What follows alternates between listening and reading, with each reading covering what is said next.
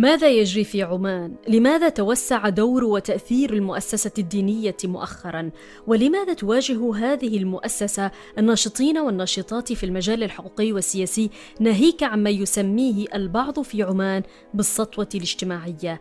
ولماذا امتد نشاطها مؤخرا عبر الحدود ليبارك المفتي أحمد الخليلي بما يسميه انتصار طالبان في أفغانستان؟ عن المؤسسة الدينية في عمان وعن قوتها وتأثيرها وعن موقف الناشطين منها. نستضيف اليوم في بودكاست ديوان الباحث العماني ورئيس تحرير مجلة مواطن الزميل محمد الفزاري وهو مقيم في لندن بعد أن تعرض للاعتقال لأكثر من مرة في عمان. أهلا بك آه، محمد. أهلا ومرحبا أستاذة وفاء. آه، أحييك وأحيي المستمعين الكرام. دعني أبدأ بهذا السؤال. ما هو تأثير السلطة الدينية في عمان؟ نعم قبل أن أجيب على هذا السؤال آه، أود أن ألفت انتباه المستمعين إلى نقطة أرى من المهم التأكيد عليها. موضوع الحلقة قد يكون شائك آه، ومثير للجدل بسبب ما يمثله الدين من قدسية في وجدان آه، أي مؤمن والمؤسسة الدينية بكل تأكيد هي الممثل الرسمي للدين. ما أود قوله كل ما أذكره من آراء ما هي إلا مقاربات شخصية وقد لا تكون آراء متعارف عليها فضلا عن كونها حقائق مطلقة. فإذا هي قابلة للأخذ والرد وهذا طبيعي.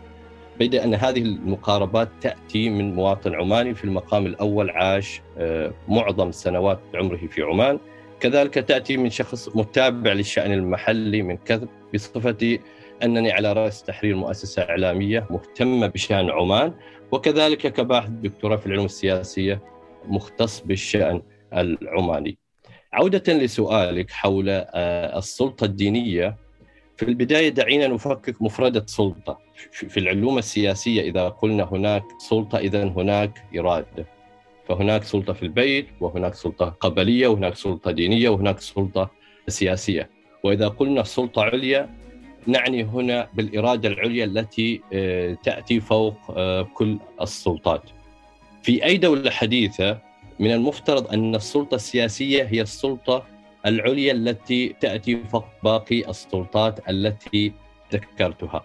في عمان زمن السلطان قابوس هكذا كان الوضع. وأعني أن السلطة السياسية التي كانت في الحقيقة متمثلة في شخص السلطان قابوس بسبب طبيعة حكمه الشمولي والمطلق طغى على ممثل السلطة الدينية المتمثلة آه، في شخص الشيخ آه، أحمد الخليلي. كإرادة عليا. ولكن بعد وفاة سلطان قابوس ووصول السلطان هيثم إلى سدة الحكم تغير الحال. آه، تضخمت السلطة الدينية وبدأ كأنها تريد أن تبتلع كل السلطات الأخرى حتى السياسية منها. وهذا يعود في الحقيقة لأسباب كثيرة لكن أهمها أن من هو على رأس السلطة السياسية الآن أتى تقريبا من الظل. لم يكن لديه أي رصيد سياسي ولا اجتماعي يذكر مقارنة بالسلطان الراحل الذي كما ذكرت آه، بسبب طبيعة حكمه الشمولي والمطلق وليس هذا فقط وهنا الاختلاف عن باقي آه، دول الخليج. دولة عمان كانت تساوي حرفيا قابوس والعكس صحيح فالسلطان قابوس كان على رأس كل السلطات الثلاث بل أيضا حتى أنه كان على رأس الوزارات السيادية. وهذا كان هو الواقع لفترة زمنية طويلة. نتحدث هنا عن نصف قرن.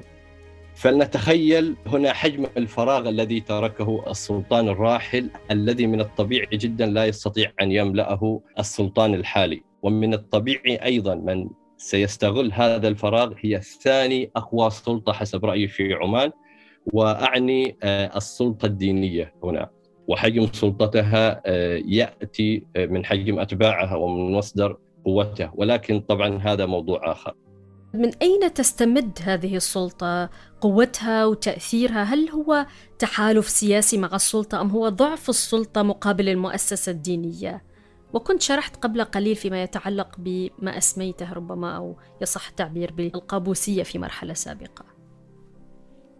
آه نعم. آه من وجهة نظري آه أن النظام في عمان كسلطة سياسية كان دائما ما يحافظ على مسافة بينه وبين السلطة القبلية والدينية فلا يقترب منها لدرجة أنه يلغيها أو يلغي السلطة القبلية والدينية يعني نهائيا ولا يبتعد عنهما لدرجة أنهما تتضخمان وتخرجان عن إرادته عن إرادة هذا النظام أو السلطة السياسية.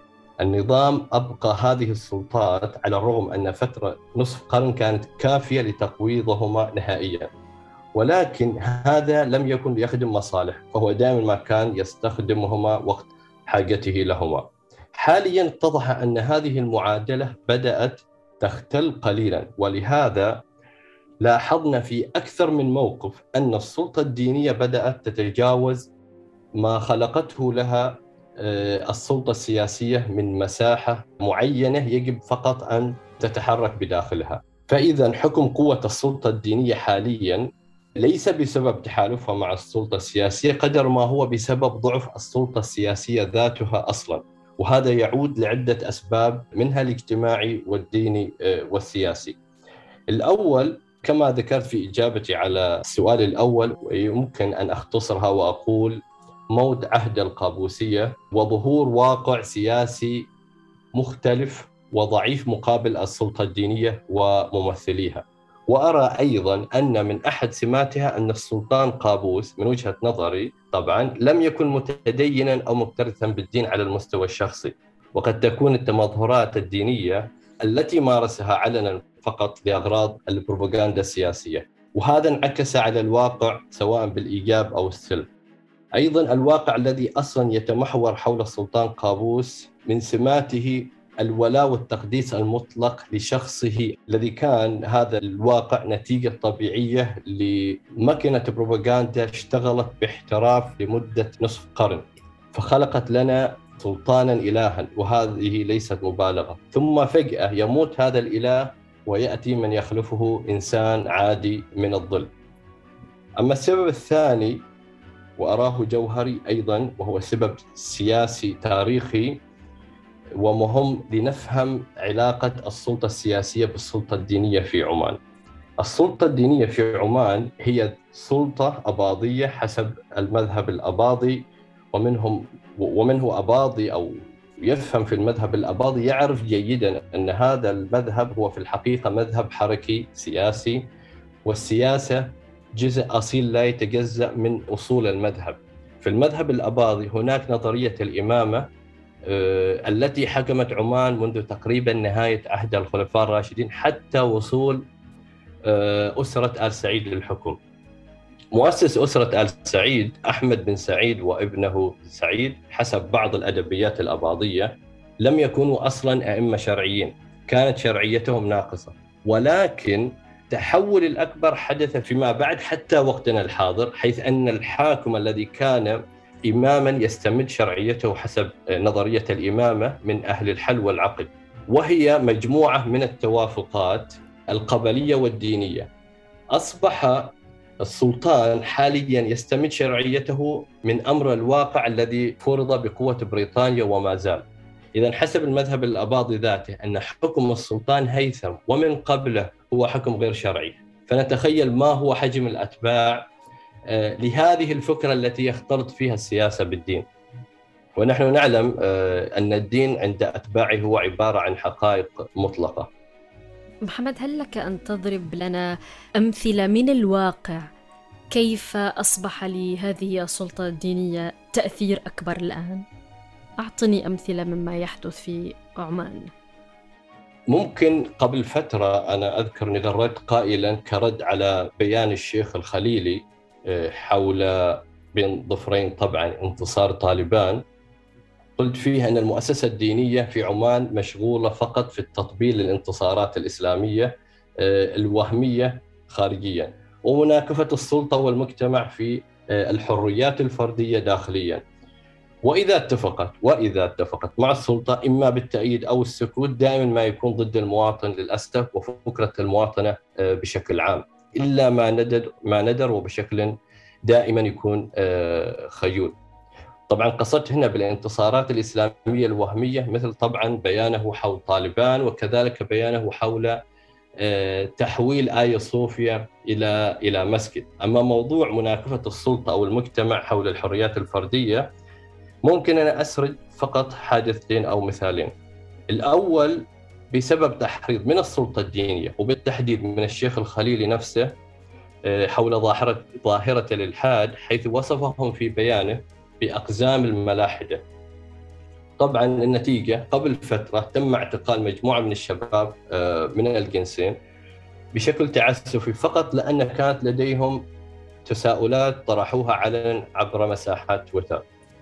وما زال هؤلاء الشباب حتى وقت تسجيل هذه الحلقة رهن الاعتقال وبعضهم آه، تمت محاكمتهم أيضا.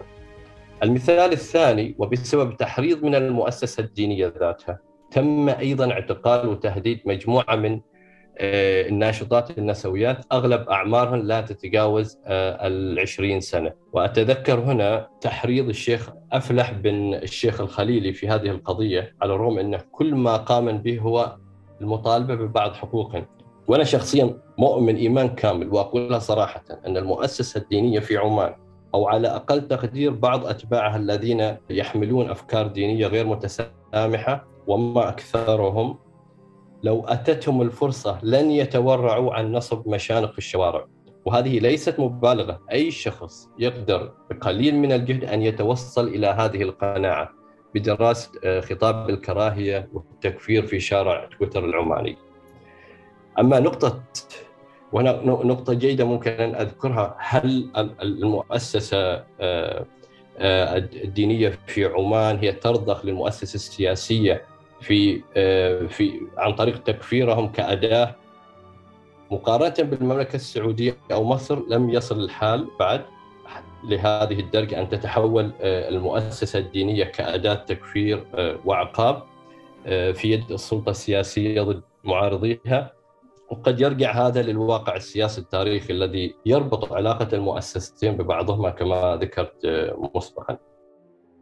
ربما من المهم أيضا أن نفهم آه، ويفهم أيضا من يستمع إلينا. أي فكر إذا تتبنى هذا هذه المؤسسة؟ هل يعني هل أفهم منك بأنه هو فكر إسلامي متشدد أم هو فكر إسلامي معتدل ولكن الممارسات هي آه، متشددة؟ هذا أولا. الأمر الآخر كيف نفسر أيضا تصريح المفتي بالمباركة لحركة طالبان هل هذا يمثل مؤشر معين إلى ربما السماح للسلطة الدينية بممارسة أكبر في المستقبل في عمان؟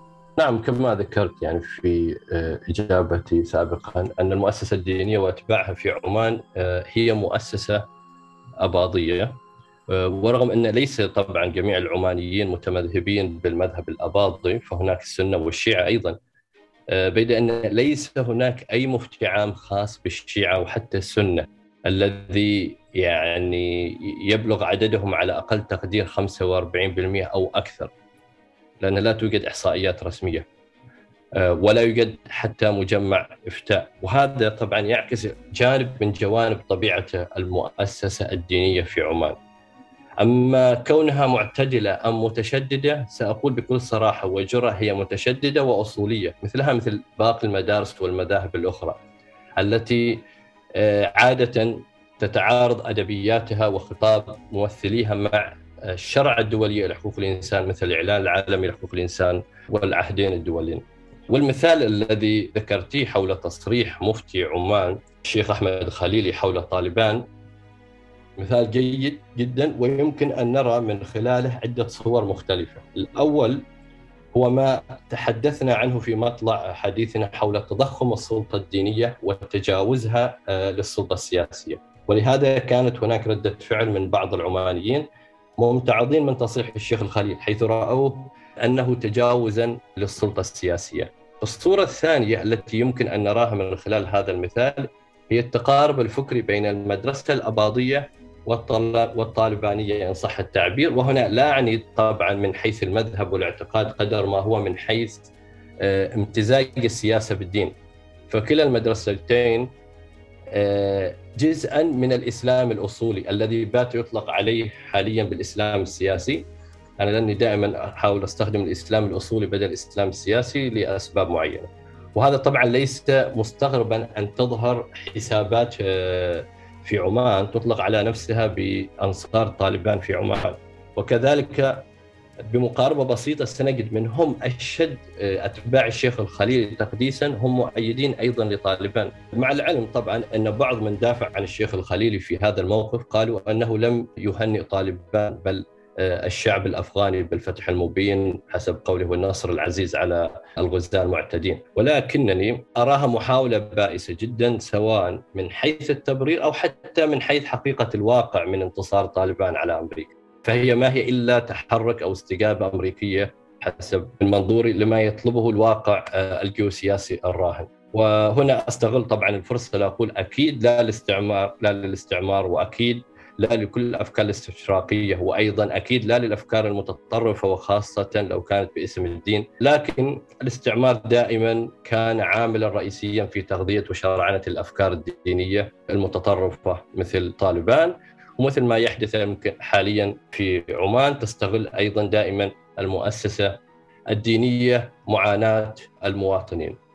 لافت فعلا ما تقوله محمد عن المؤسسة الدينية في عمان ويعني وكأن عمان محاطة بسور لا يعرف الكثير منا عن تركيبة وتفاصيل آه هذا البلد على عكس العديد ربما من الدول الخليجية التي يبدو فيها المشهد أكثر وضوحا. عموما كل الشكر لك زميل محمد الفزاري وأنت الباحث آه العماني ورئيس تحرير آه مجلة مواطن على مشاركتك آه في بودكاست ديوان. كنت سعيدة باستضافتك وكل الشكر لكل من استمع إلينا. معي أنا وفاء العم في الإعداد والتقديم ومع زميل فتحي أحمد في الإخراج والتنفيذ الصوتي وإلى لقاء قريب.